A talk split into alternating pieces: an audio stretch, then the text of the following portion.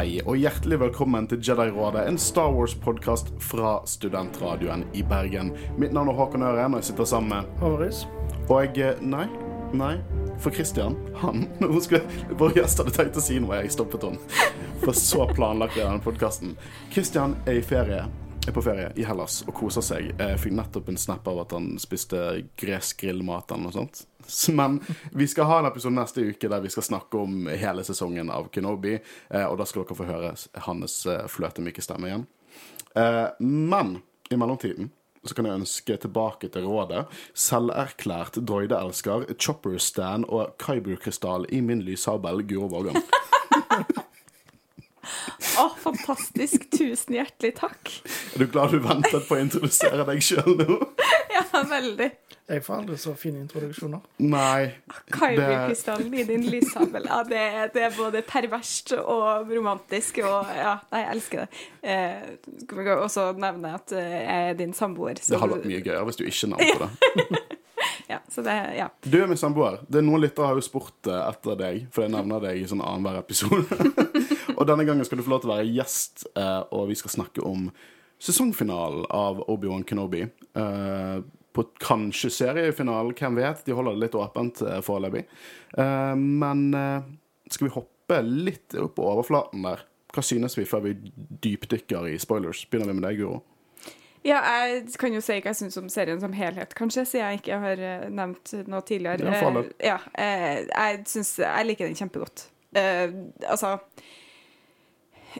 Kvalitetsmessig har jeg jo fått med meg at folk eh, kanskje ikke syns at den eh, lever helt opp til forventningene. Eh, men for min del så blir det på en måte andrerangs. Jeg syns karakterene er fantastiske, og, og på en måte handlinga er Det passer. Jeg syns det, det virker realistisk, og det gjør ting som gir ting til de verkene som allerede eksisterer som er det en prequel-fortelling skal gjøre, og det, jeg elsker det. Syns det er helt fantastisk.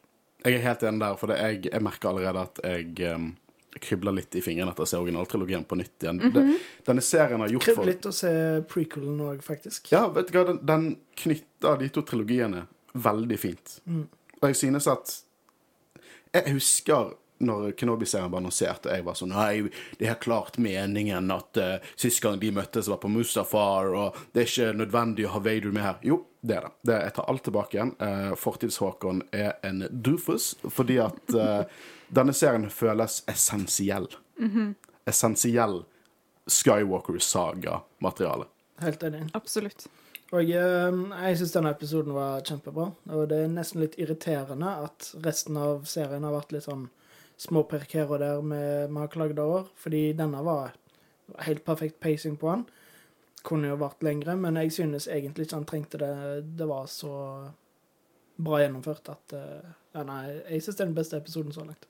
Jeg er helt enig. Dette her er absolutt den beste episoden så langt. Jeg, jeg har jo vært egentlig ganske fornøyd med hele serien. Ja, det har vært småplukk, mer med sånn kamerabruk. Storymessig og karakterer så syns jeg dette er bare top notch. Det er top notch Star Wars. Og eh, denne episoden virkelig understrekte hvor bra karakteren Reva er.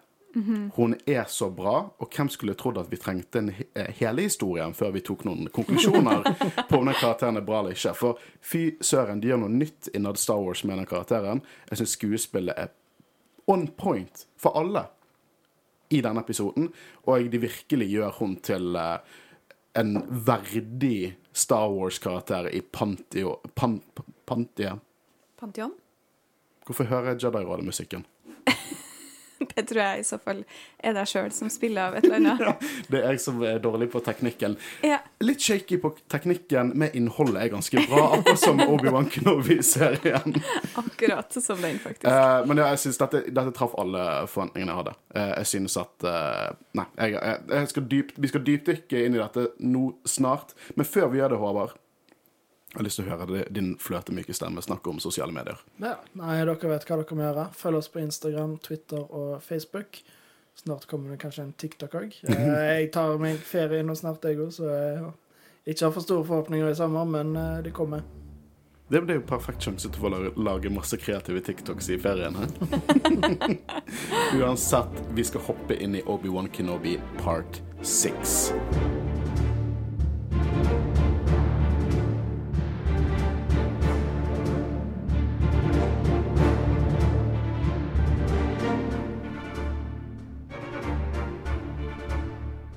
Så Obi-Wan Kenobi part 6. Denne episoden er egentlig to sidehistorier.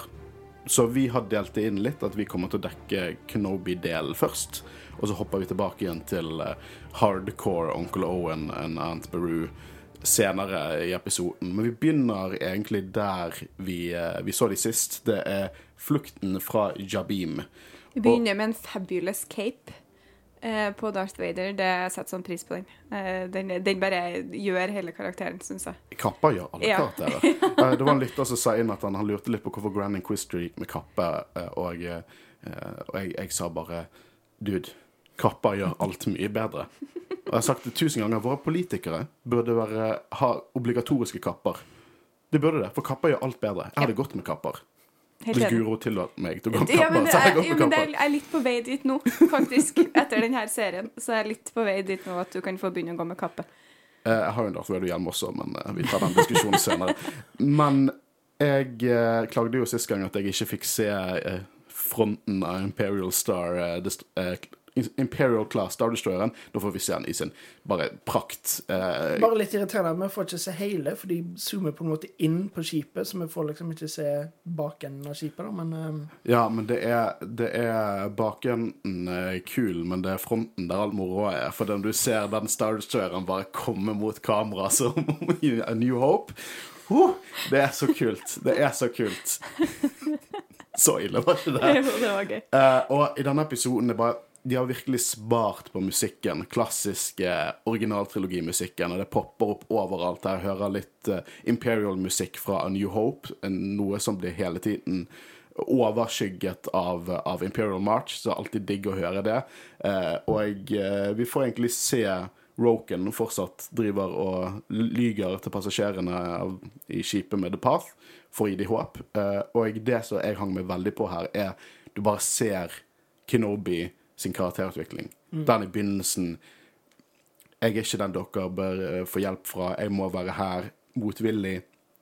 Her er han den som gir alle inspirasjon håp. Roken til og med, som du merker blitt inspirert. Og det er en karakter som jeg fortsatt har ingen formening om, for han har vært så lite med. Men eh, det første vi så av han, var at du må komme deg vekk fordi du gir for mye oppmerksomhet her, til nå at han så å si trygler han om å bli, selv om han vet at det er ikke beste måten å gjøre det på.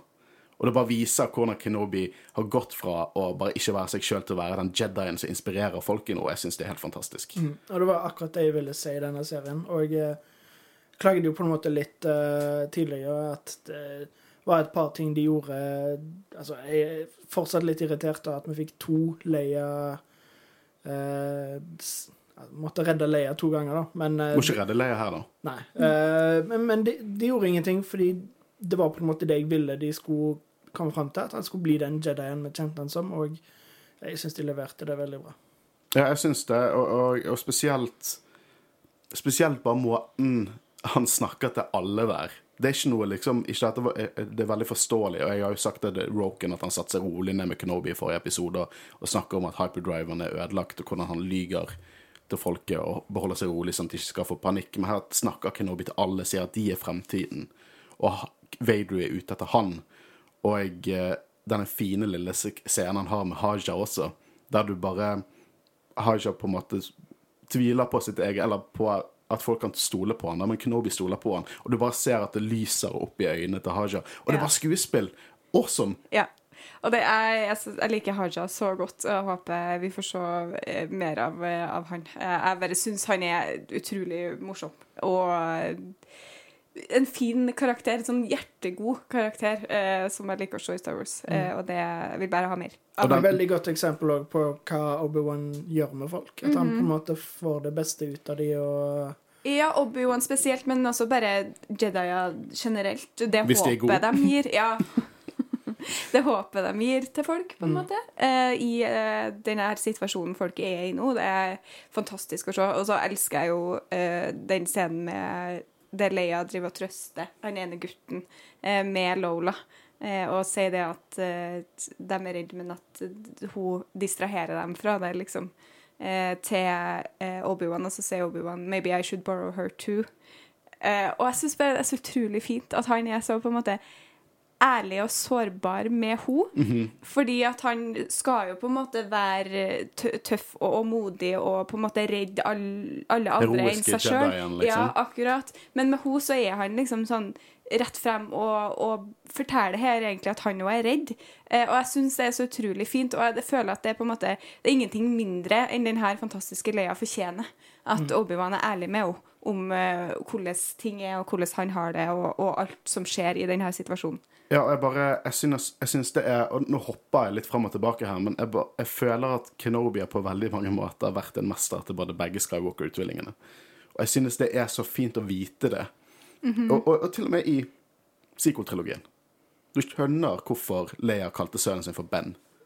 For det er Ben Kenobi, Obi-Wan Kenobi, betyr utrolig mye. Det er en av inspirasjonene til Leia og Grana. Mm. Hun og Tala, for det er jo her eh, Kenobi gir Leia det holsteret med alle de symbolene som hun har kavet inn, eh, som symboliserer alle livene som Tala reddet, så å si. Så du kan jo bare tenke deg at de to personene, sammen med selvfølgelig Bale og Brea Organa, vært med å definere den personen som Leia er i originaltrilogien og sequel-trilogien. Og det, altså, jeg syns jo det her er Leia sin serie, og ikke Obi-Wan sin. Eller om det selvfølgelig er Obi-Wan sin også, men jeg syns at den serien her gir den æren til Leia sin karakter som hun fortjener.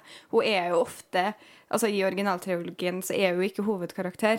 Eh, hun er jo med, men hun er jo på en måte Hun er ikke så eh, fleshed out som jeg kanskje skulle ha ønska, da. Og jeg syns at her gjør de noe med det. De gir henne mer bakgrunnshistorie, og de gir henne mer personlighet, og det liker jeg veldig godt. Hun er ikke lenger bare prinsesser i nød. Hun er liksom en faktisk karakter. Så. Hun hun var aldri en prinsesse i nød her også. Jo, jo, men, men de gjør det på en bedre måte. måte- Ja, Ikke den samme prinsesse i nød som eh, var veldig stor på 60-tallet. Mm. nemlig. Akkurat. Nei, det bare, jeg, jeg bare elsker Og det, vi fikk jo et stort tap i at Carrie Fisher døde, og vi fikk ikke sett hennes film i sequel-trilogien, for episode 9 skulle jo være hennes film, og det fikk vi ikke se. Og sånn er det. Det, det er jo ikke noe noen kunne for, men det er så kult å se at denne serien bare bygger mer på karakteren hennes. Gir mer kontekst. Gir mer eh, Jeg syns det er helt fantastisk. Og hvordan det båndet hun har fått med Ben, og utrolig bra skuespill. Jeg syns at hun nailet det, spesielt når hun er helt fra seg fordi at eh, Ben skal så å si ofre seg og få Vader vekk fra de. Og eh, måten han snakker på, akkurat som du sier, Guro, jeg syns det er helt fantastisk. Og Ewan McGregor sitt skuespill. Når han lover til Leia at han kommer tilbake igjen, og du ser bare i øynene hans at han kan ikke love det, men han gjør det for det om. Og du, du bare kjøper det. Det er det som skjer. Ja. Absolutt det som skjer. Jeg synes, og jeg syns hun lille jenta som spiller Lea, også er helt fantastisk. Eh, til å være ti år gammel, så gjør hun en helt fantastisk jobb eh, til å spille Leia. Ja, eh, helt enig. Så uh, Roken får jo også en liten sånn uh, liten peptalk at han må fortsette med arbeidet sitt, for han, de trenger ledere. Så jeg forestiller meg jo at han sikkert blir en sånn imperial general eller et eller annet sånt. Jeg skulle gjerne sett mer av han, for jeg har ingen jeg har ingenting å si på han. Ha, eh, annet enn at Du sa Imperial, men jeg Ja, mener sorry. Rebel General. jeg tenker jo alltid Imperial er jo the good guys, eh, men eh, Rebel General, ja. Ja. Men det er potensialet her for at vi kan få se igjen noen av de her karakterene i Ja, en eller annen serie, tror dere ikke det? Jo, jo. Jeg var sånn Tala og Ned B-bok, uh, for den hadde jeg lest. Uh, og da hadde kanskje den scenen i episode fem slått meg litt hardere enn når de døde, men um, jeg synes det er veldig Det er mange gode karakterer som har kommet ut fra denne serien, og uh, potensialet for flere karakterer. Så gjerne vil se mer av. Eh, men Vader hopper til Vader i en klassisk setting på Star Destroyeren sin og nekter å ta råd fra The Grand Inquisitor. Han henger fortsatt på sine gamle traumer og mener at Kenobi er liksom delaktig i det.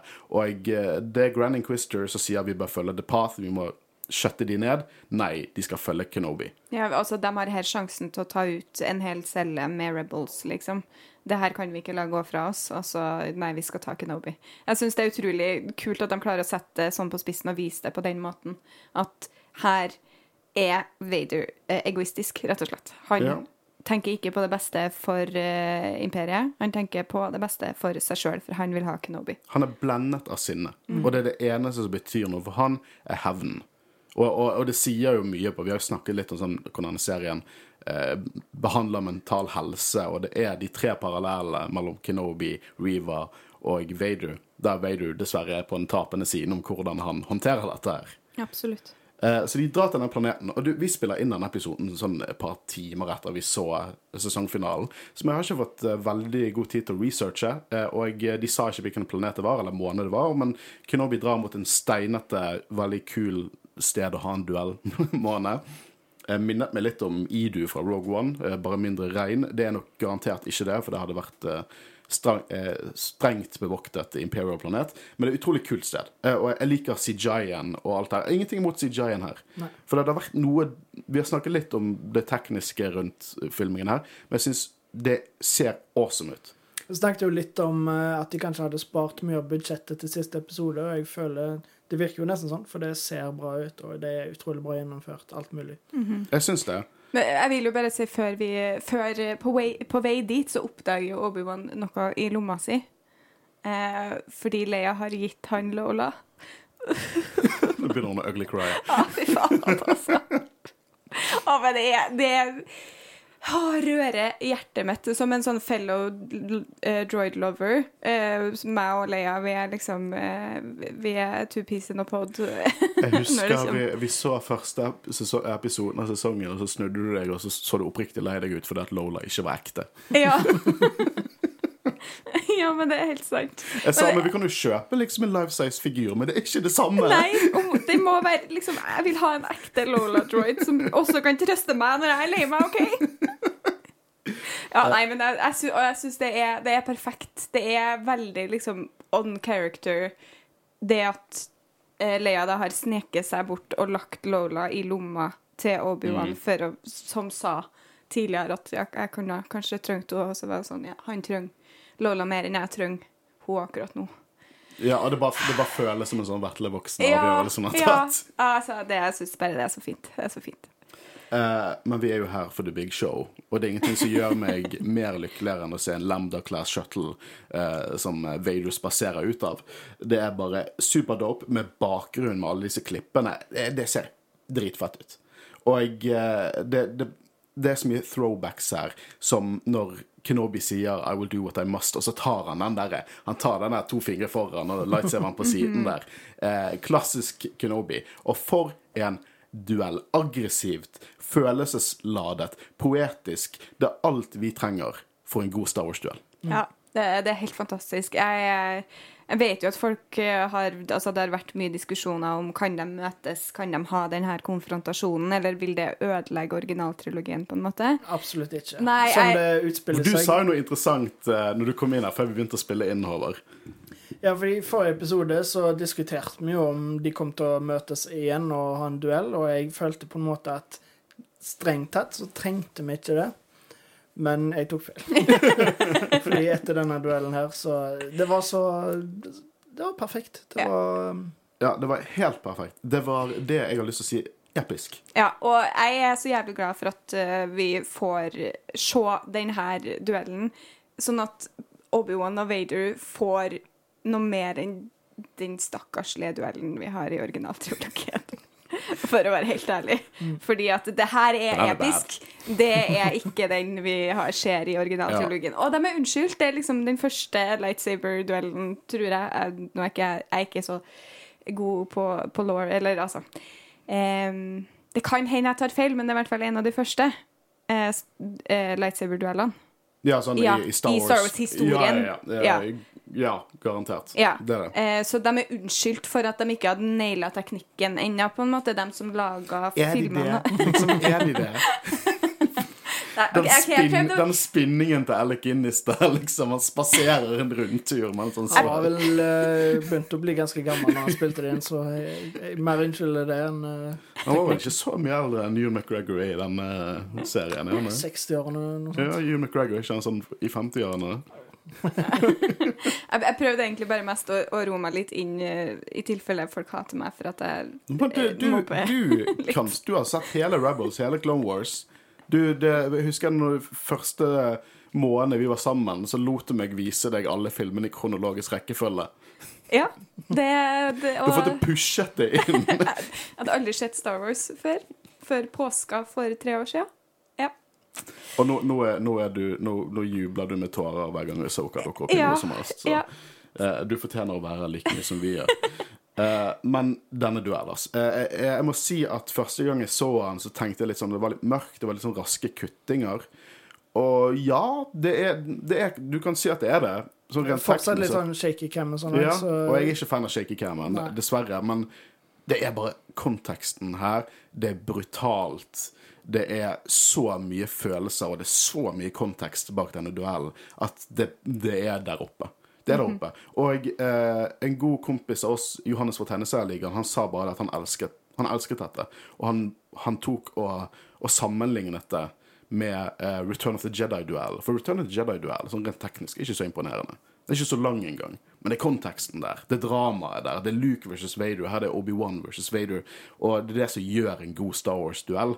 Eh, og jeg synes at det er helt fantastisk. Og jeg elsker hvordan Og det har de gjort gjennom hele denne serien. Ofte i Star Wars, når folk driver og fekter med lightsabers, så glemmer de at Force er en ting. Sånn? De glemmer hele tiden at Force er jo også et element. Og her, i denne serien bruker de det til sitt fulle potensial. Hvordan de driver og leker hot potato med et lite fjell og kaster steiner på hverandre og dytter og liksom, Hvordan veier du denne moven når han tar imot lightsaberen og svinger den rundt med hånden sin?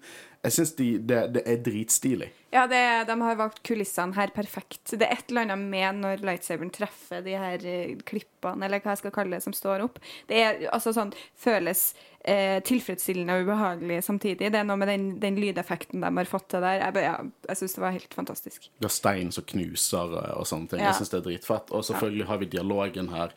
Hvordan Vader driver og terger han og sier du har fått styrken tilbake, men svakheten henger fortsatt igjen. Eh, og når Vedu driver jo Han tar jo sånn her eh, har ikke sett Dragon Ball Z, men forestiller meg er sånn det er. Knuser bakken og kaster Vader ned i et hull. Og alt jeg forestilte meg inni- Ja, ja. Obi-Wan ned- Hva var det jeg sa? Va- Vader, Ja, ja. Hver gang jeg snakker om Vader, så klarer jeg ikke å snakke. Vader kaster Obi-Wan ned i et hull og ser ned på han, og alt jeg forestilte meg, er at han hvisker 'Husk at the high ground now, bitch'. Nesten litt sjokkert at vi ikke fikk den. Jeg er så sykt glad for at han ikke Ja. sa 'I have the high ground'. Det alle eh, tenker det, Eh, så det trengte ikke å sies. Og jeg har litt lyst til å snakke om uh, dark side users, og hovedsakelig Sith Lords. For de er, de er drama queens. Det er det. Sith Lords er full on poetisk hevn. Det er ikke liksom Sith Lords Jeg tar dette opp litt, for det var noe kritikk. Og det er veldig mye sånn typisk Star Wars-kritikk. Sånn, hvorfor gjorde ikke de akkurat det som er veldig rasjonelt for en person som ikke har følelser og tanker å gjøre? Hva er liksom mest effektive for de å gjøre? Veidu er ikke praktisk. Han er mer ondskapsfull enn han er praktisk. Sånn, og, og folk har kritisert at han etterlot Reva. Han etterlot Reva fordi at hun er et instrument som de brukte, og han etterlot hun akkurat som han etterlot hun i etter Order 66. Døende, alene, brukt. Et instrument som gjør ingen trussel mot han. Det, han er ikke en som dreper Reva fordi det er praktisk å gjøre. Dette er en unhinged, eh, hevngjerrig Vader. Og det er det han gjør. Han begraver Kenobi i steiner. Han tenker sikkert faen jeg ønsker det var lava, men steiner funker. Skal være, han skal få han til å lide. Så begravd levende. Og for å fullføre sin hevn. Hevnen hans er ikke at han går bort til Kenobi og knekker nakken hans. Det, har- det har han hatt mulighet til å gjøre i tidligere episoder. Det er noe poetisk der. Han skal få han til å lide. Når han er styrt av følelsene sine. 100 følelsesstyrt. Det er ikke eh, altså, den rasjonelle tanken som styrer Vader, det er følelsene. De negative følelsene. Ja, og i hvert fall på denne e- tidspunktet i hans liv. Han, han, er veldig, han, er veldig kontro, han er veldig kontrollert siden originaltrilogien. ikke det i Kenobi-serien. Og jeg elsker at de viser det. Jeg syns det er dritfett. Og eh, det er bare noe noe sånn flashbacks til New Hope når, han når, Vader sier kaller Kenobi my master. Jeg bare, jeg bare syns det er dritkult. Dritfett. Og eh, vi får jo egentlig Kenobi som blir sitt fulle jeg her. Ligger under alt dette her. Kenobi har sitt uh, Expecto Petronum-øyeblikk. Og jo, men han, altså, han ligger jo da der begravd av stein, hører først på en måte eh, eh, Anakin, er ikke det? Anakin og Vader og Ja, ja. dem, og så ser han liksom Leia han ser dem han bryr seg om, dem som betyr noe, dem som eh, er avhengig av han, og det gir han styrke til å, å fjerne alle steinene. Ja, det, det, det minnet meg veldig om, eh, om eh, Harry Potter og det at du må ha, tenke positive tanker. Du må finne det, ditt lykkeligste minne for å kunne kaste en eh, expecto patronum eller en patronus. Eh, så jeg syns det var litt gøy. Ja, det er en god parallell. Mhm. Og jeg må bare si, jeg delte ikke- det gjaldt ikke det podkasten her, men uh, så Guro måtte forte seg å researche for å være med på denne episoden. Og så var det liksom litt dårlig tid, Håvard var på vei, og du, du skal jo bort i helgen, så du måtte pakke. Så sa jeg OK, nå har du 40 minutter til å fullføre episoden. Og så plutselig hører jeg at lyden ble satt på pause, og så hører jeg ting fra Harry Potter-filmen. Kommer jeg ut, og så sitter hun og ser på Harry Potter-scenen på mobilen sin. Uh, for alle som, som ikke er klar over det, grunnen til at det her er morsomt, er jo fordi at uh, jeg da har laga en, en Harry Potter-podkast eh, som heter Pottergenerasjonen, der jeg og to kompanjonger går gjennom Harry Potter-serien eh, bok for bok eh, og ser på den med voksne øyne. Eh, så hvis du ikke var klar over det, og er Harry Potter-fan, eh, så finnes det fortsatt. Vi har fullført den. Vi gir ikke ut nye episoder lenger, men eh, det finnes fortsatt der du hører podkast, hvis du har lyst til å høre Ja, på det det. er, Jedi-rådet er så å si eh, eh, barnet til Potter-generasjonen. De, de, åpnet, de åpnet øynene våre for å snakke om eh, nerdeting på podkast. Så, eh, så det, sjekk de ut. Eh, vi har lært alt vi kan fra de.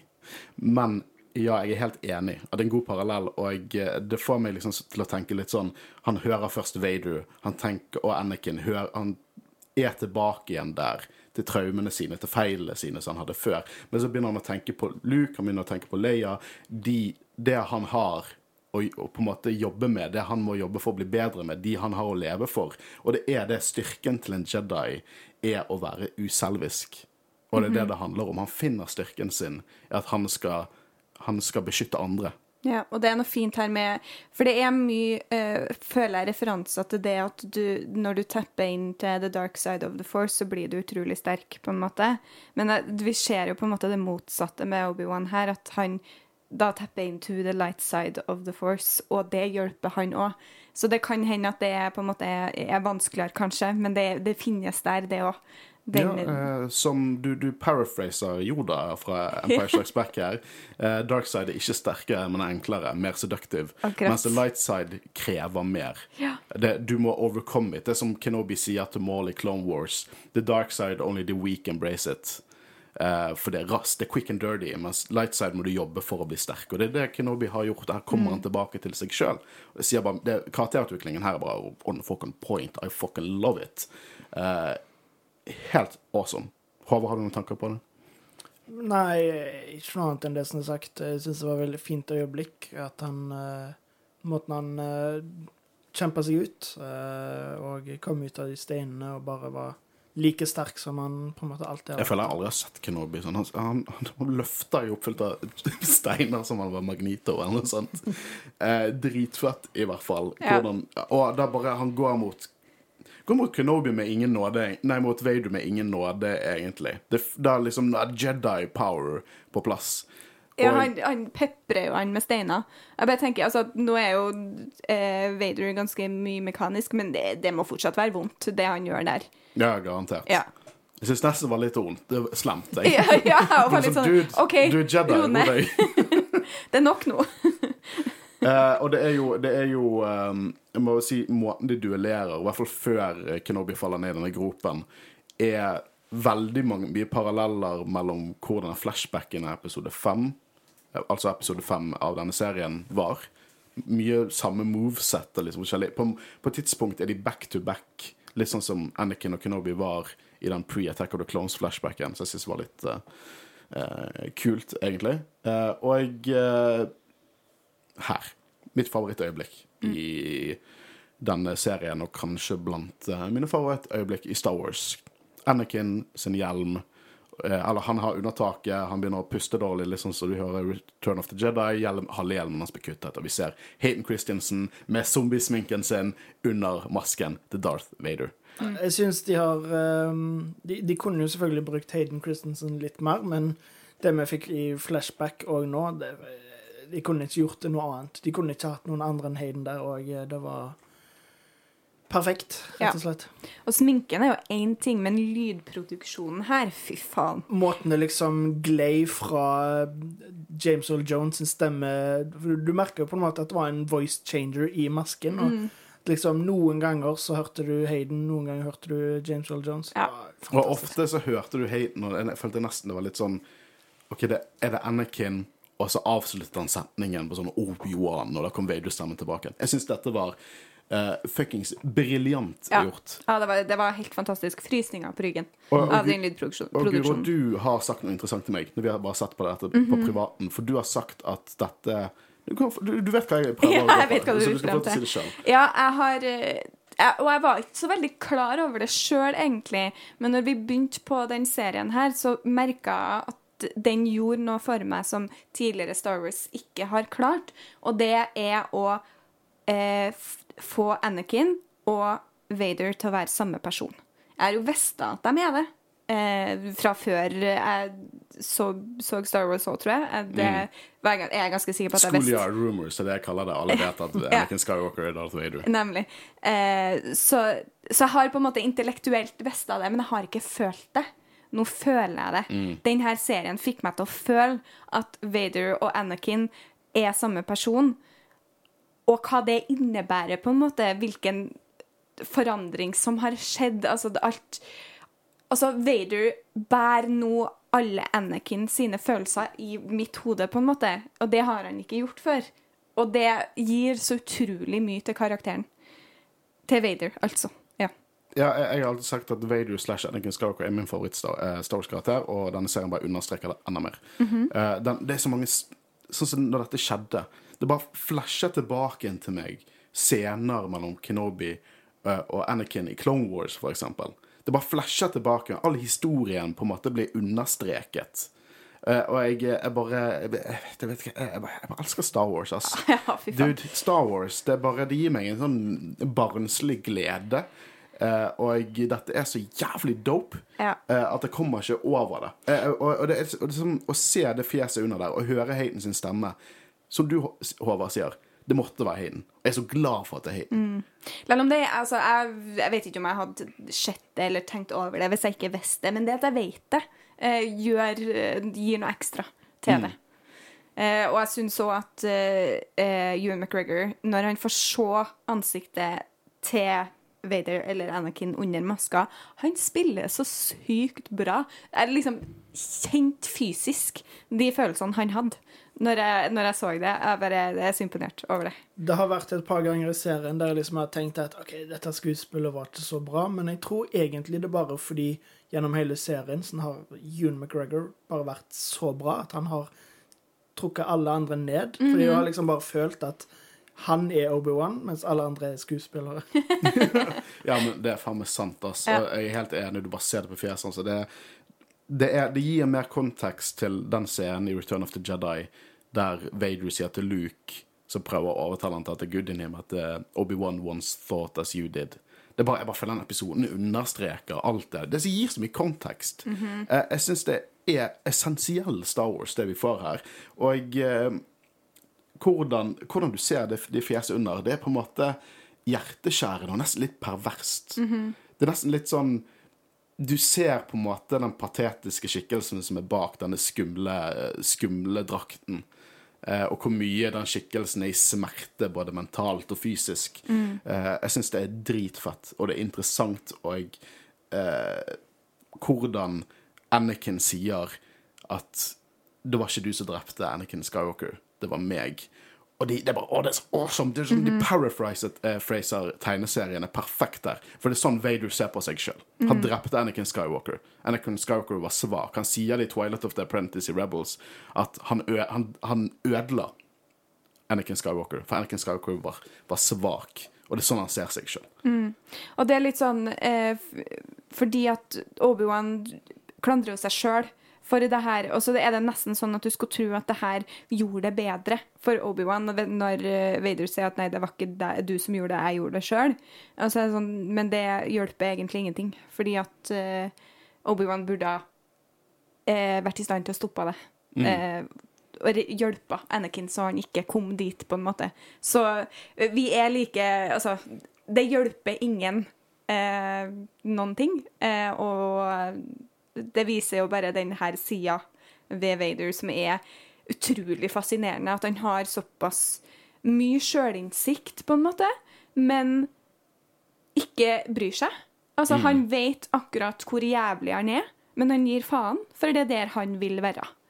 Det- han, han, han, er, han, han er egoistisk. han, han er makt Når han var Jedi, det var til og med sånn at han hadde selvinnsikten til og med i Revenge of the Sith mens han var Anakin Skywalker, når han sier 'jeg vil ha mer'.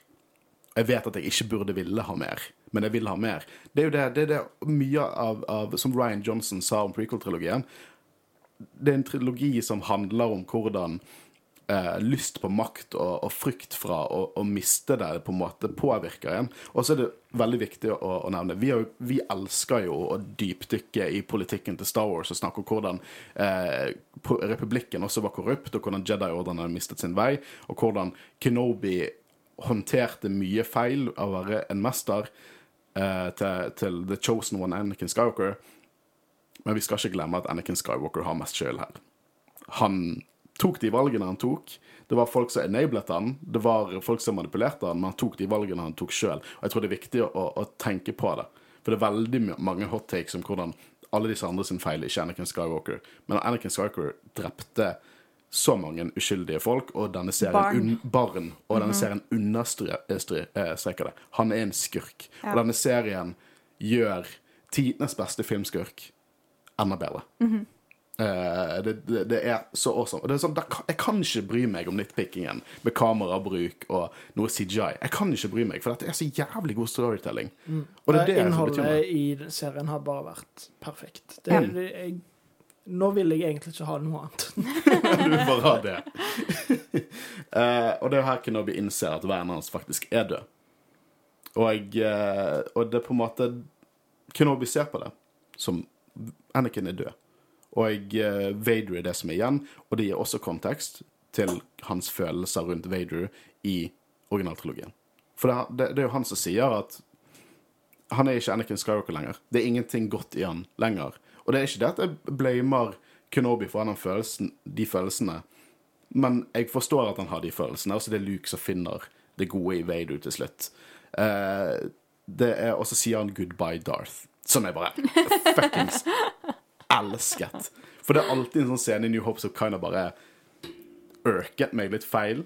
At, at eh, når Obi-Wan sier 'Only a master of evil', Darth For det høres ut som at Darth Vader var bare sånn fornavn Darth, etternavn Vader, når de skrev den filmen. Som helt sikkert var sant på det tidspunktet, men her er bare Han, bare, han har sagt ha det til Anakin. Og så, og så er det jo litt sånn eh, fuck you i det òg, fordi det er tittelen hans, på en måte. Så det er sånn, det var den sida du valgte. Ja. Goodbye, Darth. Og han etterlater Vader der alene på denne morgenen, forlatt, fortsatt hengende i sinnet og i fortiden, mens Kenobi forlater fortiden, rett og slett, tilbake til sitt sanne jeg. Og det var sånn jeg så på det, rett og slett. Og, og, og, og nå, nå må ikke folk henge seg opp i hvorfor drepte ikke Kenobi Vader her? For det er ikke the Jedi way, man. Det er ikke sånn det fungerer. Alt skal ikke være praktisk og effektivt. Han han kom, han kom til det punktet han trengte. Han trengte å innse dette og, og, og bare etterlate dette med Anakin i fortiden. Og tilgi seg sjøl, rett og slett. Eh, og jeg synes at serien klarte det på praktfull måte. Og bare høre Hayden slash James Earl Jones rope Obi-Wan i rent sinne gir meg frysninger. Jeg syns det er så jævlig forbanna kult. Ja, Han kunne jo ikke rope Kenobi. Ja, for det er plagiat til Ja, Darth da Maul. Darth Maul kom ut uh, fra sidelinja og bare sånn Fuck you, that's my line!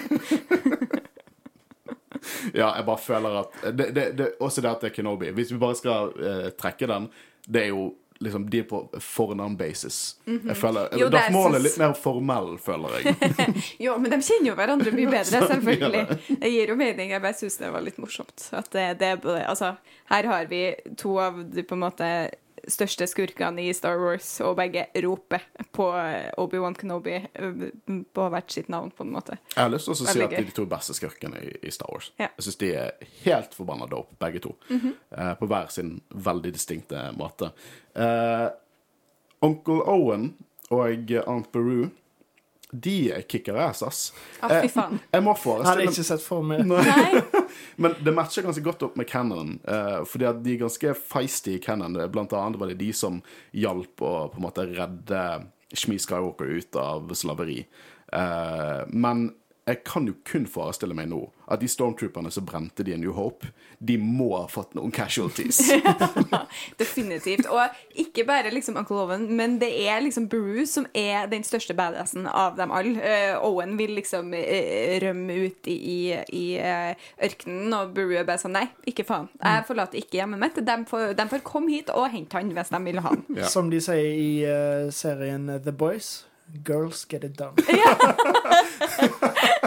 Jo, men det er akkurat det de klarer. Den fucking serien her klarer det som Endgame ikke klarte. Å gi kvinner et liksom badass moment uten at du føler at du får det trykt ned i halsen. Ja, liksom. for Endgame trøkket det ned Å, så fy faen, det var så altså. Å, Jeg himla sånn med øynene jeg satt i kino sånn og så det. Det, det, altså, gode intensjoner, men eh, det, det, det var ikke godt nok. Jeg må også understreke at jeg liker Endgame veldig godt, og jeg liker MCU veldig godt. Vi ser Miss Marvel nå, som jeg gleder meg til å se senere i kveld. Ja. Men, eh, men ja, enig. Eh, The Boys nailet det, og jeg syns at denne serien har gjort det dritbra. Og så er jeg bare Ja. Jeg- jeg- Absolutt. Men jeg, jeg, jeg liker også For man hvis man hadde spurt meg før jeg hadde noe kontekst sånn, OK, så siste episode blir Vader versus Kenobi, så splicer de inn Onkel Owen og Atterbury forsvarer gården sin. Så jeg var sånn Nei, kom an, da. Men jeg er kjempeinvestert i det. Eh, Ja, jeg syns de gjør det utrolig bra òg. For nå har jo vi snakka om dem i to separate tidslinjer, men det her skjer jo eh, parallelt i episodene. Vi hopper frem og tilbake. Og lell om det på en måte Jeg er jo hakket mer investert i Vader og Obi-Wan som slåss, selvfølgelig. Men jeg syns ikke at Jeg blir ikke irritert over at jeg må se på den andre tidslinja samtidig, på en måte. Og det er jo faren når man driver med eh, sånne ting og hopper frem og tilbake, at du er mer investert i den ene delen enn i den andre. Jeg syns de klarer å gjøre det veldig bra her. Ja, og det er jo, det er jo Riva som kommer hit. Eh, og jeg vil snakke litt om det. Hvor, hva, hva er det Riva prøver på her? Hvor, hvorfor drar hun for å drepe Luke? Tror nok det er akkurat det jeg spekulerte med i forrige episode. At hun klarte ikke å ta hevn på Vader, og nå vil hun bare ta hevn med å drepe Luke, siden det er ungen. Jeg, jeg, jeg er faktisk helt enig. Jeg tror at hun Hun har feilet og fått det hun søkte. Og hun føler hun ikke har sjansen lenger. Så dette er liksom det siste desperate smaken hun har fra hevn. Det er ikke rasjonelt i det hele tatt. Og jeg tror det er meningen at det ikke skal være rasjonelt. Hun, hun går dit for å på en måte om så Vader ikke er klar over det, så føler hun at hun fører litt skade på det. Og så tror jeg hun føre skade på Kenobi også. Jeg tror hun er dritsint på Kenobi også. Men hun er jo bare desperat etter å få en release fra de her negative følelsene som hun er besatt av å eh, altså, Som er det eneste som driver henne, egentlig, som er ønsken om hevn og hatet mot Vader for det han gjorde mot hun og hennes venner. Og når hun da mislykkes i det, så har ikke hun noe mer. Hun har ingenting. Bortsett, altså, bortsett fra å fortsette med det samme som hun har gjort de siste gudene vet hvor mange år. Sant? Eh, og, så, så hun er bare desperat. Hun, altså, det er ikke rasjonelt. Det er ingenting av det som er rasjonelt. Det er bare sånn Altså man kan jo prøve å forestille seg hvordan det er å være så jævlig fylt av hat og sinne og desperasjon, og så blir det tatt fra deg det du trodde skulle gi deg lettelse av det her hatet du har gått i. Og så blir det tatt fra deg, og så er det sånn Men hva faen gjør jeg nå, da? Ja, Altså- det, det er alt hun har. Ja, det er det eneste hun har, så hun har ikke noe valg. Hun må det, fordi at Jeg ja. hun driver hun rett og slett. Ja, mm. uh, jeg vil også nevne at det var utrolig gøy å se Bonnie Pies. Jeg tror det er sånn man uttaler navnet. Hun spilte jo Beru i både episode to og episode tre. Så det er kult at hun kom tilbake igjen eh, for denne rollen. Eh, jeg syns det var kjempegøy, og noe jeg virkelig syns var gøy, og litt bittersøtt, er å bare se hvor mye de ser på Luke som deres sønn. Kunne ikke du hatt én onscreen en onscreen mention av dine foreldre, Luke? Ja. Dude! Ja, det er så sykt. Det, Dette liksom, setter ikke deg i et godt lys, det, det, det var det eneste jeg klarte å tenke på når eh, Owen sier eh, Fordi Riva sier at du bryr deg om ham som, som om han var din egen, og så svarer Owen at han er min egen. Og så er jeg sånn Ja, Luke sørga over deg i ca. fem minutter. det, det That's gotta hurt, liksom. Ja, men herregud, det Det, det, det, er, det setter det i dårlig lys, altså. Jeg vet ikke hvordan jeg skal vri det rundt.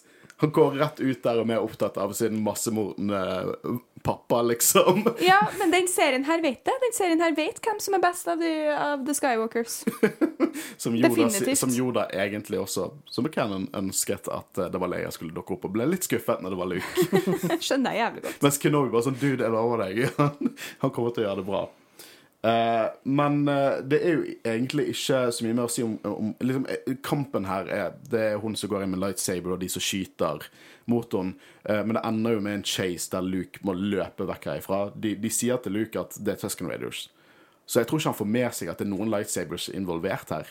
Han bare løper.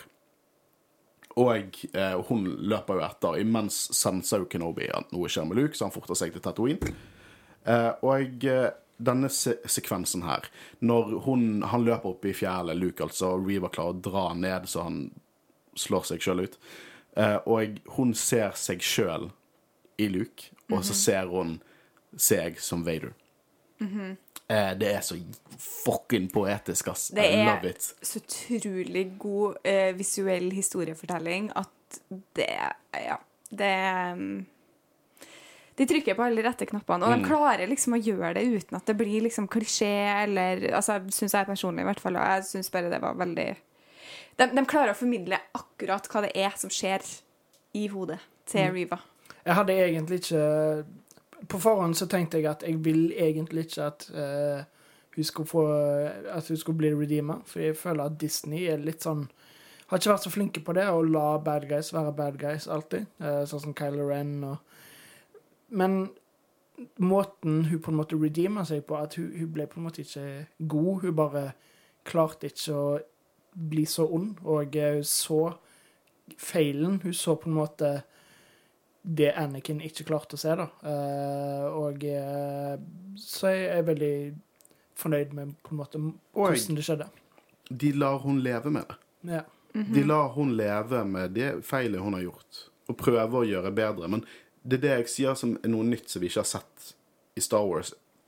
I hvert fall ikke main uh, Star Wars. på en måte Det at det er en bad guy. Virkelig en bad guy. Liksom Reva har gjort shitty ass ting. ass. Hun var villig til å torturere Leia. Det var tilfeldig at hun ikke fikk gjort det. Men hun må leve med det. Hun, hun, det er ikke en klassisk redemption. Det er bare, og det er noe som de ikke turde med Kylo Ren. Og her gjør de det. Og jeg synes at det er fantastisk. Jeg syns skuespillet er fucking on point.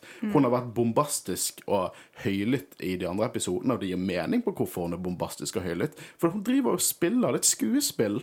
Hun prøver å ekte tøffere enn hun er. Det er som Leia sier at de som på en måte eh, driver med å på en måte skremmer andre og skal komme med trusler og frykt, de er egentlig de mest redde sjøl.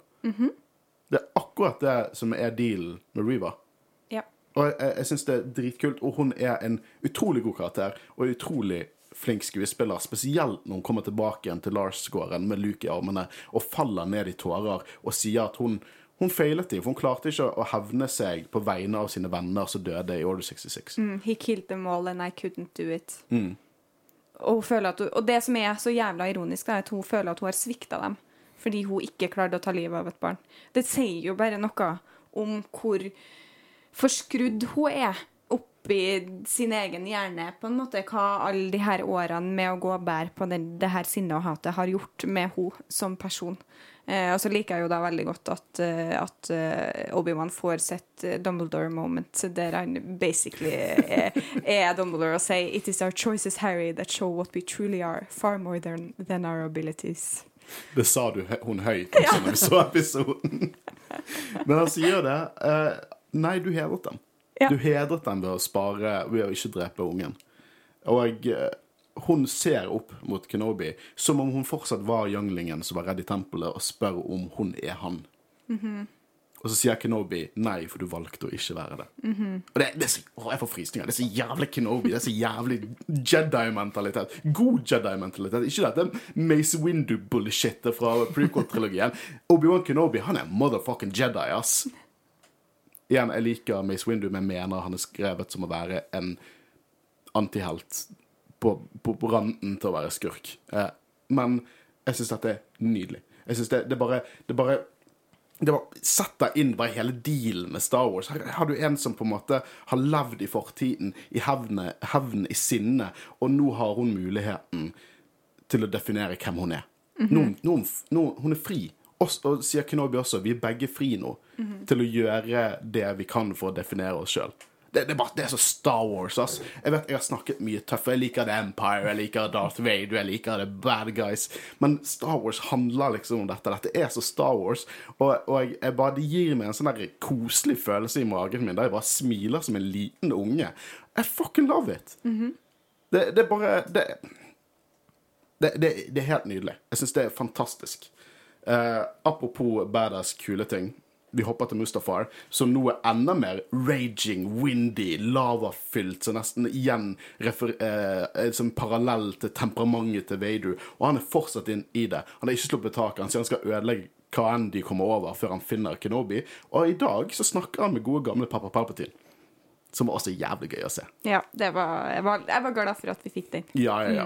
Eh, apropos Og, gode og ikke bare det, men vi fikk liksom noen som kan snakke tilbake til Vader. Det var altså Selv om det er, det er kult å se Vader på topp som skurk, så er det òg kult å se noen som bare sånn passer på at han Du, nå må du passe deg Ja, litt. for han basically bare sier 'you a little bitch'. Ja. Akkurat. Han, bare, han er den bullyen, ass. Og han sier jo egentlig til og med det han ikke klarer. Du må slippe taket her, for dette gjør deg svak. Og det gir også kontekst til hvorfor han er så samlet i originaltrilogien. At han er mer Han er mer Kylo Ren-esk i, i, i Obi-Wan-serien. For han er ikke samlet, han er ikke kontroll. Mens du har han i, i A New Hope, der han liksom schemer, plasserer tracking devices, spiller the long con, i motsetning til her at fuck the path, vi går etter Kenobi. Ja, han har lært. Og det gir enda mer kontekst til når han sier til Obi-Wan A New Hope When I left you, I was but the learner, now I am the master. Yep. Det, vi trengte kontekst til den setningen, Ja. og det fikk vi. Ja. Oh my fucking Jeg blir bare mer hypet av dette jo mer jeg snakker om det. Ja. Eh, og de kicker inn med Imperial March med Vader som sitter på sin fuckings metalltrone på Mustafar, og uh, I fucking love it. Jeg vet at du ikke helt likte hvor det var plassert. Jeg synes at Hvis du skal ha Imperial March ett sted i denne serien, så er dette riktig sted å ha det. Ja, men klagde jo litt over at det ikke har vært brukt tidligere, men jeg òg syns det var perfekt her. Jeg syns det krasja sånn med stemninga i scenen. Imperial March er så mektig og triumferende, som er det stikk motsatte av det Vader er akkurat her. Han har nettopp på en måte tapt mot Obi-Wan og blitt eh, satt tilbake på plass av eh, Palpatine om at nå må du huske hva som er viktig her, og at det er jeg som er sjefen, og ikke du. Men jeg føler det på en måte under, blir understreket òg med Empire March der, fordi det er på en måte Empire som er det store du skal drite i. Obi-Wan, det er liksom det Empire som gjelder. Glem alt annet. Jeg synes også det bygde opp til hvordan vi ser Vader neste gang i live action-kronologi. At det på en måte Da er han liksom Vader som vi kjenner han, og dette på en måte begynnelsen på det, da. Ja, jeg tror, jeg tror jeg hadde satt mer eh, pris på det hvis vi kanskje hadde fått en litt mer dyster versjon. Vi har jo hørt altså, forskjellige eh, versjoner av Imperial March opp, igjennom, eh, altså, opp igjennom Star Wars, og jeg tenker at, at en litt mer uttrukken, og kanskje ikke så mye blåsere, men litt mm, ja, jeg, jeg, er ikke eh, Jeg er ikke artist, jeg kan ikke så mye musikk, men eh, jeg føler det at den var altfor mektig og triumferende til at altså, Jeg syns det, jeg det krasja bare. Og det eh, eh, Imperial March gjør seg aller best når når du får liksom Imperial March, og så kommer Vader, og så er han stor og skummel, og det, det er jo da det går kaldt nedover ryggen. på meg, og det gjorde Altså, det, funka ikke for meg. Jeg kan godt forstå at det funker for noen, det funka ikke for meg. Eh, jeg, jeg ser hvor det kommer fra. Men dude, han sitter på en trone på en lavaplanet. Ja da, han gjør det. Og det er ikke sånn, det ødelegger ingenting for meg. Det er en filleting. Det bare Det ga ikke meg det jeg trodde det skulle gi meg når vi endelig fikk Imperial March i den serien her. Du vet at du er en Star Wars-fan når du driver og venter på Imperial March. uh, vi kan jo hoppe fram til Alderon med noen av også mine fuckings favorittøyeblikk.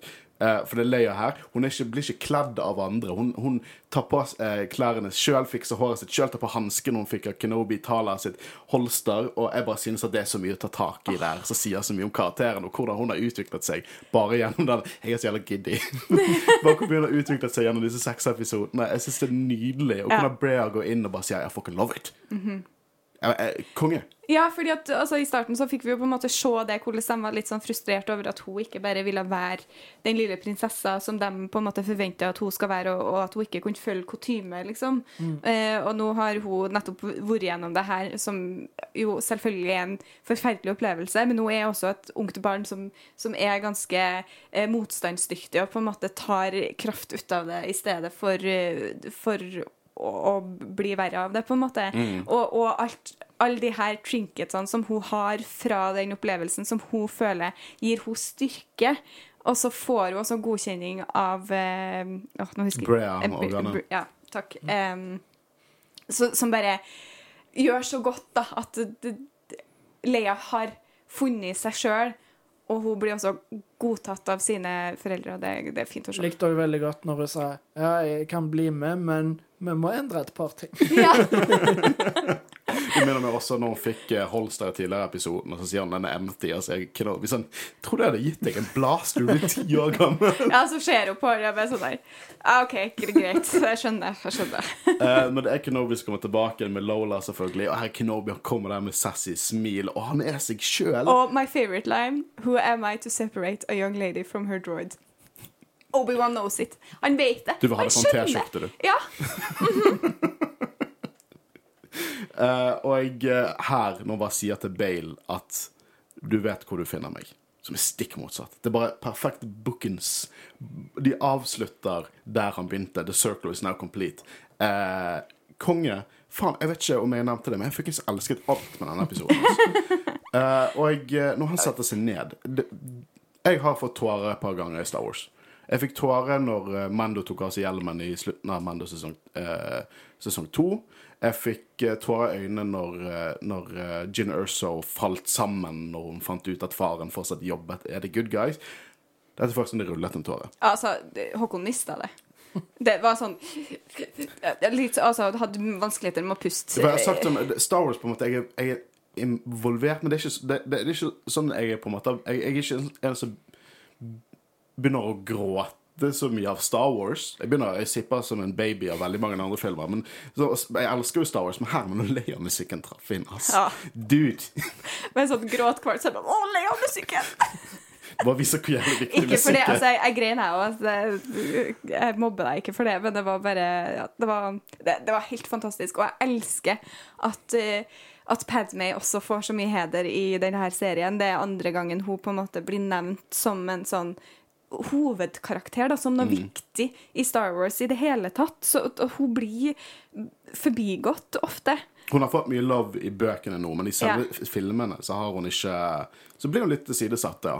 Det er vel Attack of the Clones som har hun mest med seg. Og det er jo ikke alle sin favorittfilm. Jeg kan like it, da. Ja, og, Jeg liker all Star Wars. Og når man snakker om liksom Obi-Wan og Vader, og så er det Eller altså Det er liksom Obi-Wan og Anakin, og så glemmer man at Obi-Wan også kjente Padmay veldig godt. Og at det er Padmay også på en måte selvfølgelig At han tenker mye på hun også, og ikke bare Anakin. Det, er- så flott. Det er, det er så flott. Ja, er bare Han sitter ned, og så definerer han Leia. Bare sterk og snill og passionate og bare alt en god leder skal være, og han bare sier at det har du fra din mor og din far, som var også fantastiske mennesker. Og det er så flott å se at han kan snakke om Anakin som han var, og ikke som han er. Han vet at han var en, et fantastisk menneske. Uh, det uff, er så bra, ass. Holy shit. Og musikken bare. Og så kommer The Force Theme inn, og så mikser det seg med nye John Williams eh, Obi-Wan-musikken. Det er bare I can't. Og det, og det gir så mye mer til, til eh, replikken til Leia fra originaltrilogien 'Help me, Obi-Wan Kenobi, you're my only hope'. det, det, liksom, det gir så mye tyngde til den eh, replikken, som er verdenskjent, liksom. Den, den replikken er famous. Men nå betyr den enda mer, og det er det som gjør den serien så forbanna jævlig bra, er at du kan ha noe som allerede eksisterer i på en måte i, i eh, popkulturen og er verdenskjent i popkulturen, og alle vet hvor det er fra hvis du sier det, og gi det enda mer kontekst. Altså på en bra måte. Ja, det er helt fantastisk. And that's why I love canon. Derfor er det viktig med canon. Og, ja, men jeg, er helt enig. Jeg syns dette er fantastiske scener i en fantastisk episode. Og vi har fortsatt uh, ganske mye mer igjen. Fordi vi hopper tilbake til Tatooine, der Kenobi forlater hulen sin. Han har en ny look som matcher helt med tegneseriene, hvordan han ser ut i den tidsperioden mellom, etter der. Som er bare igjen canon! Kontinuitet! They care! Å, det er dope. Og han ligner veldig mye på sideshows, sånn mythos-figur av Kenobi. Så jeg tror det ble designet før tegneserien eh, med det looket kom ut. Så jeg tror lekedesigneren der må lose his fucking shit når han sa denne episoden. Og han sier ha det til Owen, for han har endelig forstått det. sant? Vi snakket litt om i første episode at han gjorde jobben. Han så over eh, Luke og drev og stresset over at Luke måtte bli trent. Men, men stolte han på The Force? Stolte han på oppdraget? Han slipper taket, for han stoler på det.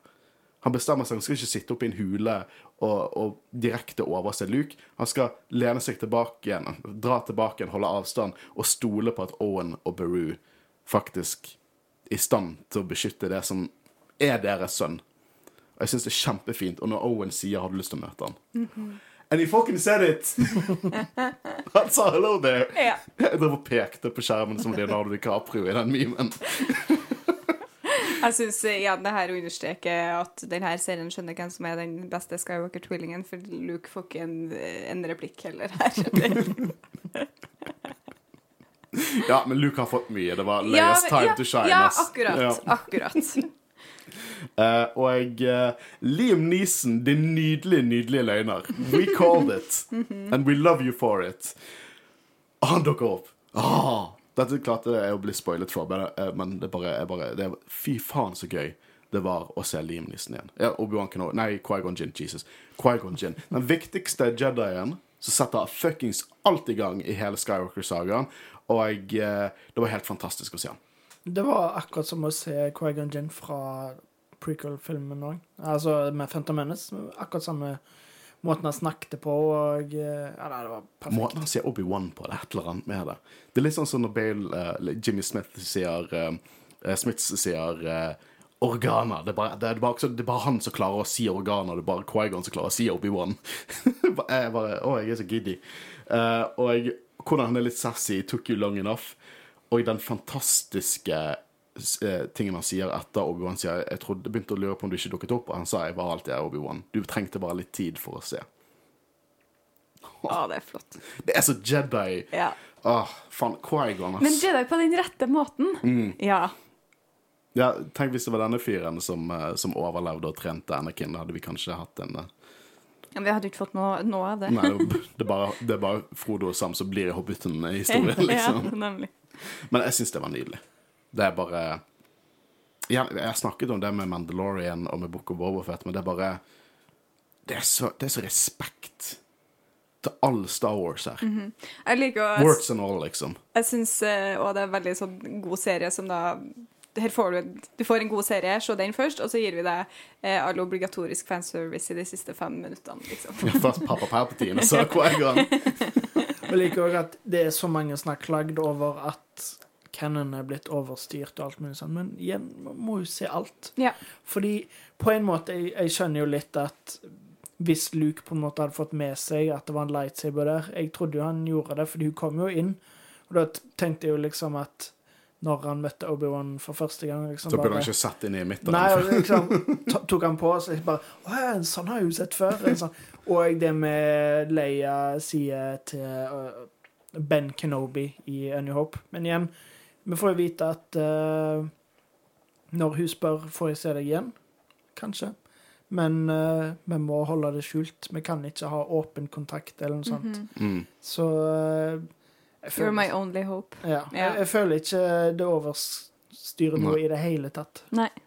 Nei, absolutt ikke. Jeg, jeg bare mm, Nei, dette her var en Dette var eh, 50-ish minutter med bare ren Star Wars-glede. Uh, jeg, jeg, jeg gråt, jeg lo. Jeg syntes det var dope. Jeg, jeg, jeg vet ikke hva mer jeg kan si, egentlig. Jeg bare elsket dette. Og helt klart min favorittepisode fra denne serien. Jeg gleder meg til å se hele serien på ny innen én sitting, jeg nå, bare for å få med alt. Og eh, jeg tror kanskje pacingen ikke har så mye å si når jeg kan se alt på en gang. Mm. Det fungerte veldig fint for Book of Bobafett, for min del, i hvert fall. Eh, men jeg syns dette eh, men, men, Ingenting slår Mando for meg av live action Star Wars-serier så langt. Men jeg føler dette har vært en veldig konsis storytelling. Ja. Absolutt. Absolutt. Og den, den her kommer langt opp på lista mi over favoritt-Star Mm. Wars-ting. Den slår nok ingen av dem som var mine favoritter fra før, tror ikke jeg, men den eh, går opp på lista og legger seg rett under, på en Ja, måte. det er kvalitetshistorie i Ja. Star Wars-universet. Er Helt fantastisk. Og dere har ikke fått like lang tid til å sende inn til oss, eh, lytterinnspill til oss i dag, fordi at vi har aldri researchet så fort og spilt inn så fort før. uh, men vi har jo noen lytterinnspill, og jeg tenker vi kan begynne med Håvard sin roman. Ja, det var en uh, lang en. Fy søren, for en episode. Elsker den. Serien er komplett, og hvorfor det? Let me explain. Episoden blir nydelig bygd opp til kampen mellom Vader og Kenobi, der Kenobi blir knust. Men når han tenker på Leia og Luke, så bygger kraften og motet seg opp, og han slår tilbake mot Vader. Når han moser steiner på han og skjærer opp ryggen og knuser maska. Det var episk. Samtalen mellom Vader og Kenobi når maska er knust, og du hører det skurre mellom hvilken stemme som eh, kommer fram, og du får se fjeset til Anakin igjen. Digga det, ass. Jeg hoppa i sofaen og skrek. Slutten var nydelig med Kenobis 'Hello there' til Luke. Og når selveste master Quaigon sto der, jeg bare måpte. Digga denne episoden, ti av ti, og serien ble med denne episoden helt nydelig. Jeg, det er så kjekt, for det, er den, det er liksom den Star Wars-gleden, da. Og jeg, eh, jeg bare sier også det at når han sier serien ble den, med denne episoden helt nydelig, det er viktig å, viktig å se det i en helhet, ass. Ja. Og det er viktig med en god avslutning-episode Mm. òg. Eh, tenker på Game of Thrones og sånn. Da var det hele sesongen. Men slutten var akkurat det han trengte å være. Ja, Det er jo mest tilfredsstillende når slutten er det beste. ja absolutt. At det bygger seg opp til en fantastisk avslutning, så du ikke blir skuffa på slutten. Og det har jo gjort at jeg trenger ikke en sesong to. Nei. Jeg vil ikke ha en sesong to. Jeg syns den, den historien har blitt fortalt nå. Jeg vil ha mer. Leia. jeg vil ha Jeg sa det Du må til hoppe deg inn i bøkene, du. Ja. Jeg, jeg må jo eh, egentlig det, men jeg sa også til Håkon at eh, det hadde vært helt uh, fantastisk med en uh, Jedi Fallen Order-type spill med Leia og Lola som hovedpersoner. Det, er Ja. Dessverre så tror jeg ikke du får Nei, det ass. tror ikke jeg heller, men det hadde vært fantastisk. Det hadde vært dritkult. Og det er mange år uh, igjen med mye En ni potensial. år igjen, i hvert fall. Så. Ja, så jeg ser ikke bort fra at vi kan uh, få litt mer Lea. Det, det er som sagt et par gode bøker. Jeg mener det er noen historier fra rett før dette, tror jeg. Uh, som kanskje er verdt å hoppe inn i. Vi burde jo egentlig hatt en Leia-episode. Vi, vi har jo ikke hatt en karakterepisode til noen. Jo, vi har hatt Obi-Wan. Det hadde vi. Det var en livesending, det. det den, den gikk jo veldig bra. Vant en pris og greier. Men eh, ja, jeg bare mm, det, det, Vi har snakket om det før, og vi har vært litt sånn frustrert, for det er typisk at Star Wars setter opp spørsmål. Og så blir ikke de besvart med en gang, og så begynner folk å si at uh, Cannon er brutt, og så er det visst et svar på de spørsmålene. Så prøv å ikke få panikk. Ofte, det er veldig gøy med spørsmål i storytelling. Det er derfor det er storytelling.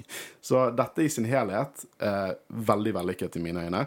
Og å gå tilbake igjen, sånn som for eksempel når Reva episode tre, når Vader dukket opp og gikk amok, og så ser du at hun flinsjer når, når Kenobi driver Nei, når Vader driver og dreper den uskyldige familien. Og så tenkte jeg da at å ja, for hun, hun, er, hun er utålmodig, hun vil ta Kenobi. Nei. Hun har flashbacks til Order 66. Hun liker ikke det hun ser. Eller når du ser hvor bombastisk og overdreven hun er hun, hun spiller. Eller når du ser episode fire, så holder hun på såret sitt. Når hun snakker om fortiden sin, så holder hun på magen sin der hun ble stukket. Under Order 66. Og det er sånn å se at eh, denne serien bare er én sitting i sin helhet, det tror jeg kan bare gjøre den bedre, rett og slett. Eh, Men, eh, men Guro, du skal få den æren av å lese opp noen dine. Du har fått eh, alle de minigreiene. Jeg har Ja. en roman etterpå å ta opp. Ja. Eh, første her eh, Kenobi visste Darth ynkelig hvem som er sjefen. OK, nå roer vi oss. For det Vader er ikke Darth ynkelig. Nei, det syns jeg ikke. Men, men han, er, han er jo litt ynkelig. Du kan jo ha litt Jeg, jeg syns godt du kan synes synd på Vader. Men han er en badass òg. Ja. Ja, men skal, skal jo være de Vi har snakket om det. Liksom Du ser Anakin bak masken. Nesten litt patetisk. Og, og hvor, hvor, hvordan det på en måte ikke gjenspeiler den skikkelsen vi ser i drakten. Uh, det, det er jo det er mye av det med dark side, sant. Det, det å gå dark side er ikke menneskelig. Nei. Det er, det er, en det er noe perverst bruk av kraften, og det gjenspeiler de som bruker det. Eh, så, så det er absolutt et poeng her som, jeg- som er, jeg er enig i. Eh, neste er serien i eh, en helhet var litt skuffelse, men synes finalen legger opp til A New Hope på en perfekt måte. Jeg syns det er I hvert fall oss i Jedi-rådet Når vi velger ut disse her, så liker jeg å velge ut ikke bare de jeg er helt enig med. Det er veldig leit at du syns at, det, at det var en skuffelse. Det er jo selvfølgelig lov å synes. Eh, men det er bare viktig at eh, det er forskjellige meninger. Og man bør, eh, i hvert fall denne æraen med veldig mye turbulent Star Wars-fandom, så er det viktig å på en måte ha en dialog på det. Skulle gjerne ønsket at du skrev litt hva du syns var skuffende med det, men jeg er veldig enig med at den legger perfekt opp til en New Hope. Det gjør den. Eh, neste sier fikk endelig ordentlig svar på hvorfor Kenobi eh, i A New Hope sier at Vader drepte faren til Luke. Som jeg ikke har tenkt på. Jævlig godt poeng. Helt enig. Ja, det er jo det, Nå er det litt, det er litt bedre enn A Certain Point of View, så jeg fortsatt synes det litt svakt. Du vet hva du gjorde, Kenobi, men, Ja. eh, men det er jo det han oppriktig tror og mener. Eh, så det, er, det, det tenkte ikke jeg på heller, så nice catch. Eh, neste sier It's not your fault I killed Anakin. Eh, I, i eh, quotation marks. Og så kommer spørsmålet Smilte Anakin der? Tror Obi trengte å høre dette? Det har vi jo snakka litt om allerede. Eh, Men jeg tror han smilte. Eh, Jeg så, ja. har sett den scenen tre ganger nå. Eh, Jeg er ganske sikker på at han koste seg i hvor mye dette her potensielt kan plage Obi-Wan. ja. Eh, absolutt. Veldig dark side spirit. Eh, neste sier Helt utslitt av å grine så mye. Eh, jeg fikk alt jeg ville ha, samtidig som jeg ville ha mer. Om det gir mening. Det gir veldig mening. Ja, det- det er all god Star Wars gir meg akkurat den følelsen. Det. Akkurat den følelsen vi alle sitter med, tror jeg. Eh, det siste sier Jeg har ikke sett den ennå, men var sikkert bedre enn porno. Den er min favoritt. Eh, ja, altså det, det, Bedre enn det meste av porno, i hvert fall. Ja, det, Ja. det, var, det var Star Wars-porno. Ja. På, på en mindre pervers måte enn det høres ut som. Eh, jeg har en roman. Eh, hvor skal jeg begynne? Drittlei shaky cam og litt eh, clunky CGI, bakgrunn visuals, men nå som det eneste negative ute av bildet, skal praise komme. Vi tørre å kalle dette for det absolutt beste jeg har sett av Star Wars. Wow. Acting og writing er perfekt, alt fra O'Shea Jackson jr. til Ewan McGregor. Soundtracket var endelig ti av ti, intens start på episoden som holdt seg utover hele, til tross for at alle visste quote hvordan det skulle ende. Duellen med Vaderu er bare klasse. Dialogen og paralleller til Rebels, prequels etc. Alt klaffet bare så bra. Fighten er også helt fantastisk. Deilig å se de herje med The Force mot hverandre. Slutten av duellen, da det blir en slags Twilight of the Apprentice og Rebels-referanse, eh, er bare så perfekt i capslock. Føler og håper Hayden har fått sine øyeblikk her i denne serien, selv om de ikke har vært mange. Dialogen på slutten av duell er helt flott, og pluss eh, skuespillet. Etter det også eh, Han har mer. Etter det også er jeg fornøyd gjennom hele. En veldig troverdig redemption for Riva, noe jeg kjøper 100% ser se Palpatine og Quaigon på slutten, trenger jeg å si mer. Driter jeg om det ødelegger Cannon med Force Ghost, dette er fortjent, og jeg har ventet på så å si hele min levetid. Uh, levde ikke da Phantom Menace kom ut. Eh, jeg eh, er veldig enig i mye av det han sier. Eh, liksom, jeg har lært å leve med noe av det tekniske her. Det er helt klart et budsjett her. Men når storyen er så bra, så blir det bare nitpicking. Men eh, faktisk, dette med Force Ghost, det ødelegger ikke Cannon. Eh, vi har snakket litt om det i tidligere episoder. For det, det, har blitt etablert i Cannon at Quaigon Gin klarte, lærte seg, etter han har blitt one with the force, hvordan man, han visualiserer seg. Eh, det skjer vel i A Certain Point of View, der de snakker litt om det. Og det snakket vi jo om i uh, ledende opp mot denne serien, at uh, det har blitt definert at det er rundt ti år før Ti år etter Revenge of the Sith, der Quaigon lærte seg å visualisere seg og gjøre seg fysisk til stede. og denne serien var jo satt ti år etter Revenge of the Sith, og vi fikk fuckings Quaigon. Mm -hmm. og jeg er så jævlig glad for at vi fikk han. men jeg visste det. Jeg visste det. Han tok en, uh, en Spiderman. Uh, Måten de uh, har hinta til det gjennom hele serien, med liksom at Obi-Wan på en måte har bedt mesteren sin komme. Mm -hmm. de kom ikke Hadde ikke gjort det. Gjorde det til og med i den episoden. Ja, ja, jeg, jeg, ja. men jeg, jeg, jeg, liten del av meg var bitte litt redd for at de bare kom til å bruke noe voiceover fra prequel-trilogien, ja. liksom. Mm. Ja, er, men, uh, men, vi måtte få noe Quaigon. Jeg er helt ja. enig med Håvard. De hadde ikke lagt så mye vekt på eh, Obi-Wan sitt forhold til sin tidligere mester hvis det ikke var liksom Og hvordan Liam Neeson har gått ut og sagt at jeg skal gjerne spille Quaigon igjen, men da må det bli en film. og han bare Han skal voice-acte i en uh, animert serie. Sønnen hans skal spille en ung Quaigon i en animert serie senere. Det liksom det He's a beautiful, beautiful liar. Yeah. Love to see it. Jeg elsket han dukket tilbake igjen. Faen, denne episoden, altså. Holy shit. Mm -hmm. uh, nei, det ikke, Har vi noe mer å si? Noe mer konkluderende tanker? Ja, altså, det, det, her, det siste du leste her nå, sier jo at det er det beste eh, Star Wars eh, de har fått i deres perspektiv. Eh, og jeg vil si at altså, følelsesmessig for meg så tror ikke jeg det er det, eller om det liksom Det er jævlig bra, liksom. Eh, men hvis vi ser på f.eks. Mandalorian, som fortsatt er over for min del, eh, syns jeg jo teknisk at det her er bedre. Sånn i historiefortellingsmessig. Teknisk.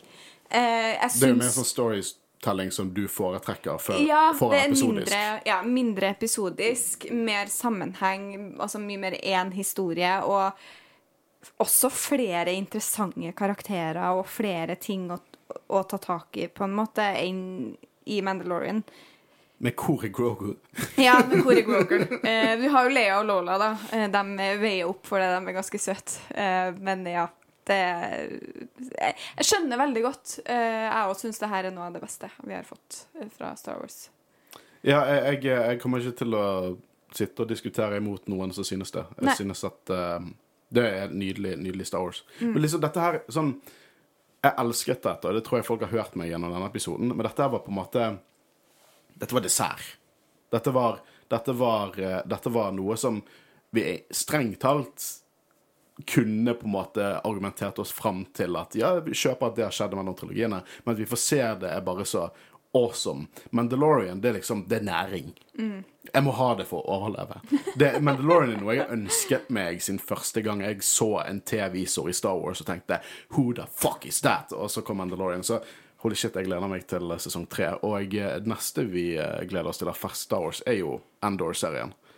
Eh, jeg tror eh, at det er nok The Underdog som kommer til å overraske oss alle. Akkurat som Rogue One var det Underdog som overrasket oss alle. Mm -hmm. Eh, jeg tror det er to ting i Star Wars som 99 eh, av folk er enig med, er at Rogue One er dope, og Mandalorian er dope. Så det Ja. Det, jeg tror det kommer til å bli dritbra. Ja. Uansett, det var sesongavslutningen, eh, kanskje serieavslutningen på Obi-Wan Kenobi.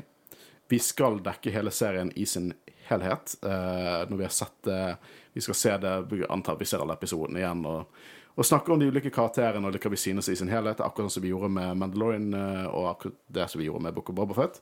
Jeg vil takke Guro for at du steppet inn uh, i veldig kort uh, forvarsel for å snakke Star Wars. Tusen takk for at jeg fikk lov. Det her var kjempegøy. Ja, sant. Ja. Uh, og takk til deg, Håvard. Kos deg i London. Det skal jeg. er det da du skal se to Star Wars-skuespillere? Derfor du drar, sant? Det er bare derfor. Jeg skal se jeg har Allerede glemt ut navnet, da, men Flea og Thundercat. Ja. Eh, jeg husker ikke navnet til Flisen. Vekto et eller annet. Ja, det var noe sånt. Uh, du så jegerne som løper dårlig. Ja. Uansett, vi har vært Jedi-rådet, en Star Wars-podkast. Mitt navn er Håkon Øren, og jeg har sammen sammen. Horus. Og Guro Våga. Og vi snakkes neste uke. Ha det bra. Ha det bra. Ha det bra.